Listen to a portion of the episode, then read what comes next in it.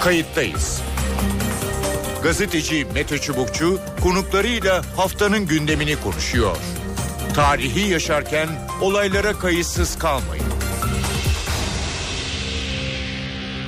İyi günler bir kayıttayız programıyla daha karşınızdayız. Tarihe ışık tutmak ve olan biteni anlamak için önümüzdeki yarım saat sizlerle birlikte olacağız. Ben Mete Çubukçu, editörümüz Sevan Kazancı. Dış politikada hareketli bir dönemden geçiyoruz. Düşürülen Rus uçağı sonrası şimdi de Irak merkezi hükümetiyle gerilim yaşanıyor. Türkiye IŞİD'le savaşacak peşmerge ve sünni güçleri eğitmek üzere Musul yakınlarındaki Başika kampına asker sevkiyatı yapınca Bağdat'ın tepkisini çekti. Merkezi hükümet bunun egemenlik haklarının ihlali anlamına geldiğini savunuyor. Uluslararası düzeyde girişimde bulundu. Türkiye kampa yapacağı yeni askeri sevkiyatını durdurup bölgedeki Türk gücünün sadece eğitim amaçlı orada olduğunu açıkladı. Böyle bir ortamda Irak Bölgesel Kürt Yönetimi lideri Mesut Barzani bilindiği gibi Ankara'ya geldi. Temaslarını e, sür yaptı. İki önemli isimle e, görüştü. MİT Müsteşarı Hakan Fidan ve Dışişleri Müsteşarı Feridun Sinirlioğlu da daha sonra Bağdat'a gitti. Ve burada Iraklı yetkililerle görüştü. Bağdat Türk askerinin varlığının Irak'ın egemenlik haklarının ihlali olduğunu savunup krizin ancak Türk güçlerin Irak topraklarından çekilmesiyle mümkün olacağını vurguladı Başbakan Haydar El İbadi Türkiye'nin Musul'daki askeri varlığını Birleşmiş Milletler'e şikayet edilmesi için Dışişleri Bakanlığı'na talimat verdi. Konuyla ilgili Ankara'dan gelen açıklamalara da bakmak, bakmak gerekiyor. Başbakanlık gerilimin düşürülmesi için Irak'la yeni mekanizmalar oluşturulacağını duyurdu. Ayrıca askeri personelin Irak'ın hassasiyetleri gözetilerek yeniden tanzimi konusunda karara varıldığını belirtti. Cumhurbaşkanı Tayyip Erdoğan ise Musul'daki askerin geri çekilmesinin söz konusu olmadığını ifade edip Irak'taki güvenlik riskine dikkat çekti. Cumhurbaşkanının konuşmasından kısa bir bölümü dinlettikten sonra Musul başlığını konuklarımızla değerlendireceğiz. Başta DAEŞ terör örgütü olmak üzere tüm terör örgütlerinin cirit attığı bir yer Irak. Bu terör örgütleri Türkiye için her an bir tehdit unsurudur. Bizim için bir tehdit algısı oluşturmaktadır. Biz davete icabetle Irak'a geldik. Kabul de. Yani biz şimdi ülkemize yapılacak bir saldırıda merkezi yönetimin davetini mi bekleyeceğiz? Böyle bir şeyi beklemek diye bir lüksümüz yok. Tam aksine biz diyoruz ki Irak merkezi yönetimi eğer oradan ülkemize yapılacak herhangi bir terör saldırısına gerekli tedbiri alamıyorsa bu tedbirlerimizi biz alırız. Başika kampının kurulmasından bu yana neredeyse bir buçuk yıla yakın bir zaman geçti. İnsana sormazlar mı? Siz bir buçuk yıl önce neredeydiniz? Şimdi kalkıyorsunuz böyle bir açıklamada bulunuyorsunuz. Askerimizi geri çekmek gibi böyle bir şey söz konusu olamaz. Oradaki eğitim verme sürecini kararlı bir şekilde devam edeceğiz ama bunu bir mutabakat içerisinde sürdüreceğiz. Bulunmamız bir muharip asker bulundurma noktasında değil. Sadece bizim orada eğitim veren subaylarımızın, askerimizin korumasına yönelik ayrıca bir takviye olmuştur. Evet kayıttayız da bu hafta Musul gerilimini, bunun iki ülke ilişkilerine etkisini, IŞİD'le mücadeleye nasıl yansıyacağını e, konuşacağız. İki konuğumuz var. İlki Burhanettin Duran, Burhanettin Duran SETA Genel Koordinatörü. Şimdi sorun nereden kaynaklanıyor? Ee, yani e, üst vardı, merkezi hükümet niye şimdi tepki gösteriyor? Ne dersiniz? Şimdi şöyle e, tabii yani 2014 yılı itibariyle bizden istenen, Türkiye'den istenen bir e, askeri danışmanlığın oraya gitmiş olması söz konusu. Ve bu askeri danışmanların güvenliğiyle ilgili Türkiye'nin e, yeni askeri bir sevk içerisinde olduğunu görüyoruz. Fakat kritik yapan şey bu en son Rusya ile olan gerilimden sonra hı hı. artık Rusya-İran-Irak hattının oluşmakta olduğunu ve belki ileride DAEŞ ile mücadele çerçevesinde sadece Suriye'de değil Irak'ta da dengelerin kızışacak olmasından dolayı bir ön gerilim olarak görüyorum ben bunu. Hı hı. Burada Türkiye e, DAEŞ tehlikesine karşı hem Kuzey Irak'ta Barzani'yi korumak hem PKK tehdidini sınırlandırmak açısından orada olmak istiyor. Daha öncesinde Irak'la e, elde etmiş olduğu bu askeri danışmanların e, oraya koyulması çerçevesinde bir konum elde etmeye çalışıyor. Ama bir taraftan da baktığımızda işte Irak, e, Rusya ve İran hattından dolayı Türkiye'nin oradaki varlığını minimize etmeye çalışıyor. Şimdi burada Türkiye'nin öne sürdüğü şey güvenlik meselesi, DAEŞ tehlikesi. E, çünkü düşünün ki o insanlı askeri danışmanların bir e, IŞİD saldırısı, DAEŞ saldırısı e, karşısında kendini korumaları kolay olmayacak. E, dolayısıyla al, görünürde bu var. Evet. Yani orada o kadar askere gerek yok diyor Iraklılar. E, fakat Türkiye gerek var diyor. Ama DAEŞ tehlikesi öyle bir belli belirsiz bir tehlike ki biz e, Musul'daki rehine krizinden biliyoruz. Bir anda Evet. DAEŞ saldırsa Musul'u nasıl ele geçirdiyse e, pekala o kamplar böyle bir tehlikeyle karşı karşıya kalabilir. E, birinci düzlem bu. Evet. İkinci düzlemde bence DAEŞ üzerinden Irak denklemi kızışacak. Rusya muhtemelen Irak'a daha fazla müdahil olmak istiyor. Amerika'da bu denklemin daha fazla kızışmasını istemiyor. E, fakat Türkiye'de burada bir önleyici adım atarak e, biraz taşları yerinden oynatmış oldu. Peki nasıl nasıl çözülecek? Yani sonuçta bu gerilimle e, devam eder mi? E, yani bu gerilim e, şimdi Rusya biraz müdahil oldu biliyorsunuz. E, Birleşmiş Milletler Güvenlik Konseyi'ne taşıdı. Şimdi Irak taşıyacak. E, Irak'ın içinde bir tartışma başladı. E, ben bunun kısa vadeli bir e, düşük tansiyonlu bir gerilim olarak devam etme ihtimalini görüyorum. E, orada bir e, reorganizasyon yapılabilir. Bazı Türk askeri şeyleri geri çekilebilir ama Türkiye'nin orada kalmak istediği çok üst düzeyden e, ortaya koyulmuş oldu. Tabii şimdi şöyle bir şey var. Irak bunu söylüyor Güvenlik Evet. Konseyi'nde ama ülkenin tamamına hakim değil. E, üçte biri DAEŞ'in kontrolünde olan bir ülkeden bahsediyoruz. Evet. Türkiye'nin oradaki kendi varlığını koruyabilmek için DAEŞ'le mücadele gibi çok meşrulaştırıcı bir e, elinde e, malzemesi var, bir haklılık payı var. Dolayısıyla ben Irak'ın ne kadar bastırsa da yani Güvenlik Konseyi'nden ne kadar bunu vurgulasa da DAEŞ'le mücadele sebebiyle e, Türkiye'nin ısrarının da devam edeceği kanaatindeyim. E, dolayısıyla biraz zamana yayılarak tansiyonu düşürülecek bir gerilim gibi görünüyor. Peki. E, Rusya-İran-Irak hattının e, orada tahkim edildiğini e, söylediniz. E, peki şöyle iddialar da e, söz konusu. E, Türkiye'nin oradaki en azından şu anki çıkışı Evet IŞİD ama sadece değil orada çünkü e, e, Irak e, Kürt bölgesel yönetimiyle birlikte e, PKK'ya karşı da PYD'ye karşı da Şengal'de hala e, varlar. E, bir şekilde e, hani e, kendi e, varlığını orada göstermek e, istiyor. E, ayrıca e, bu Suriye'de olan biteni biraz da Irak üzerinden tahkim etmeye orada varlığını daha güçlendirmeye çalışıyor. Ne dersiniz bu tezlere?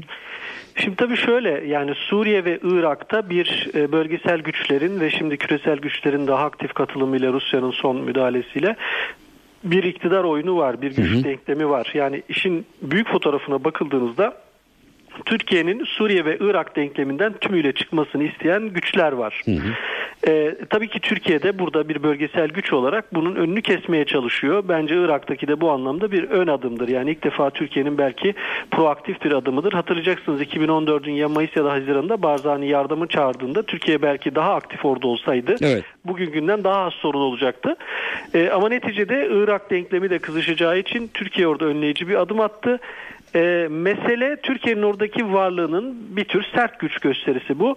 Türkiye'deki varlığının saldırgan bir konumda olmadığı, müdahaleci bir konumda olmadığı, savunmacı bir konumda olduğudur. Elbette ki PKK terörü bizim için çok meşru bir tehdittir Türkiye için. Ee, bunun için de Türkiye'nin bir şeyler yapıyor olmasını e, kendi topraklarını kontrol edemeyen e, Irak'ın e, yani uluslararası hukuka başvursa da elinin zayıf olduğunu düşünüyorum. Hı hı. E, peki e, ne bekleyebiliriz kısa vadede? E, çünkü e, orta vadede bir de Musul operasyonu gibi büyük bir e, gelişme muhtemelen olacaktır. E, ne dersiniz? Şimdi Türkiye burada bence kendi kararını verdi. Yani muhtemelen e, Amerikalıların da hani bilgisi dahilinde olmayan ama bir şekilde haberleşilen bir konu hı. ama Türkiye burada kendi kararını ortaya koydu.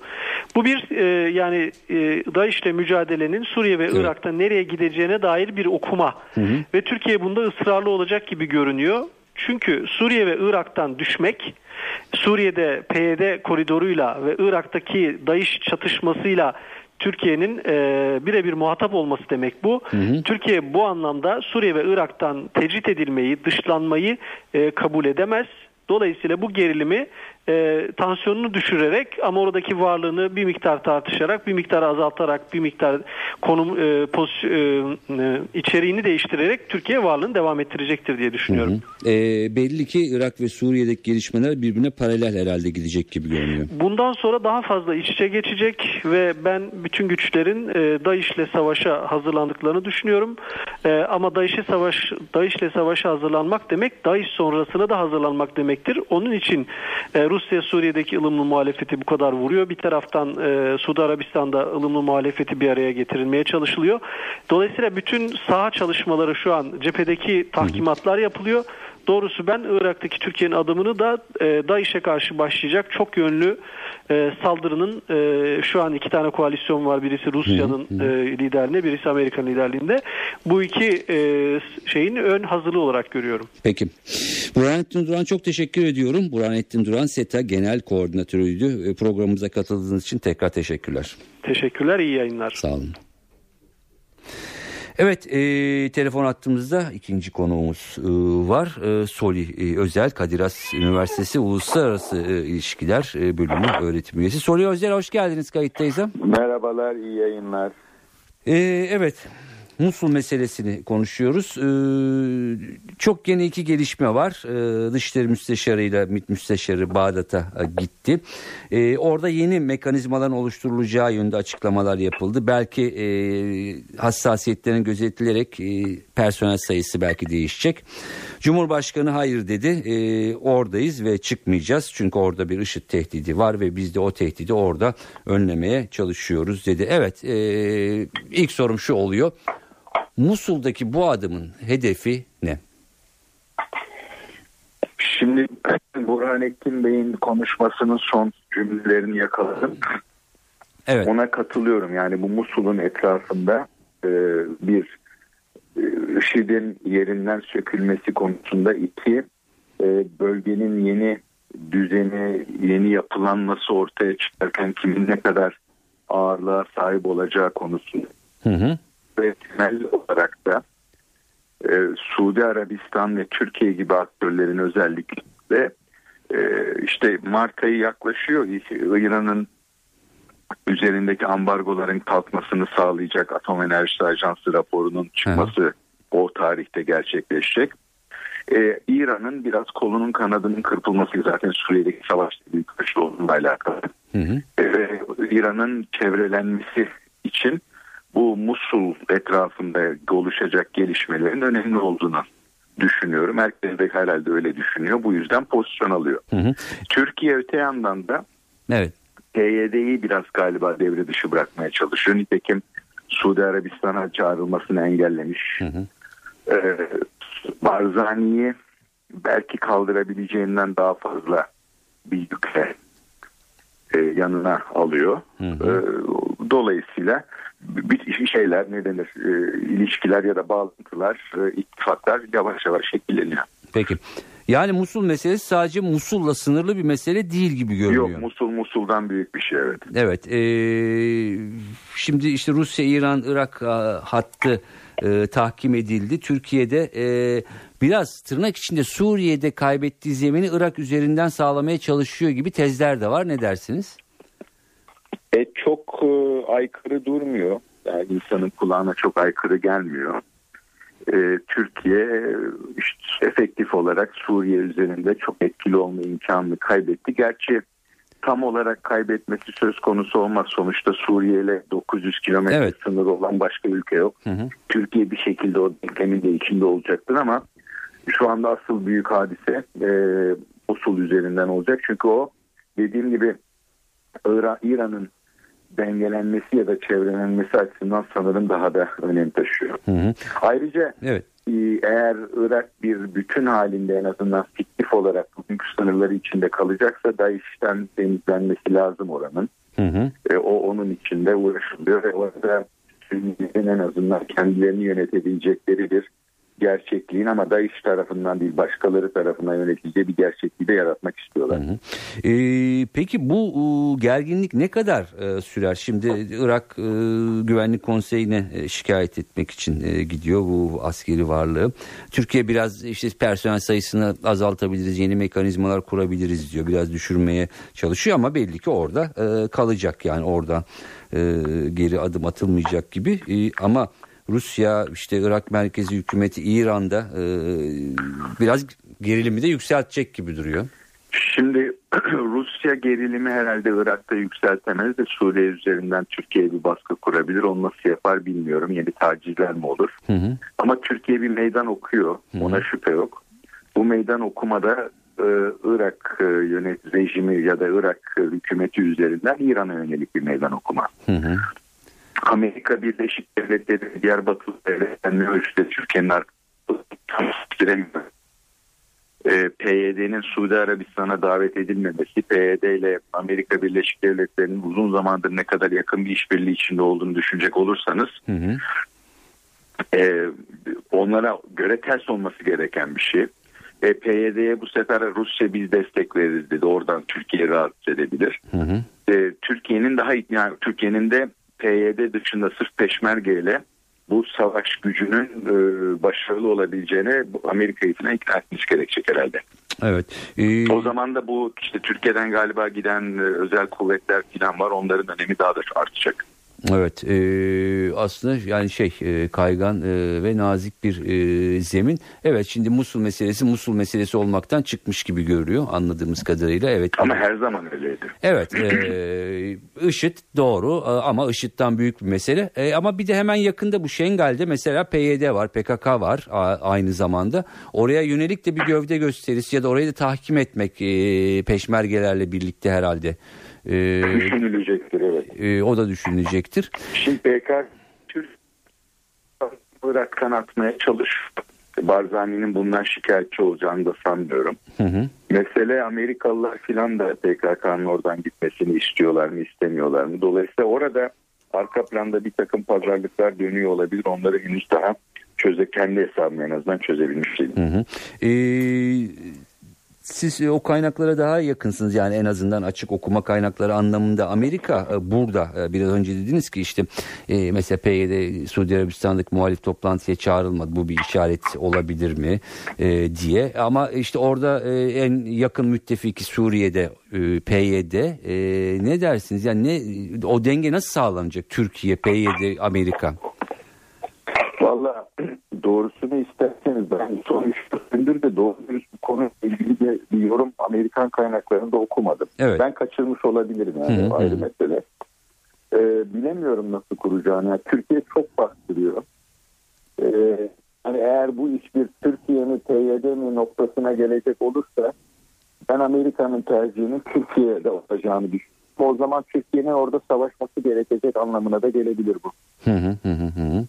Ee, bu o e, yani Amerika son kertede e, böyle bir noktaya geldiği zaman tabii ki müttefik Türkiye'nin yanında olacaktır. Peki bu sefer Suriye'de IŞİD'e karşı kara gücü olarak kim e, kullanılacak? Yeni bir oluşum mu oluşturulacak? Ne düşünebiliriz?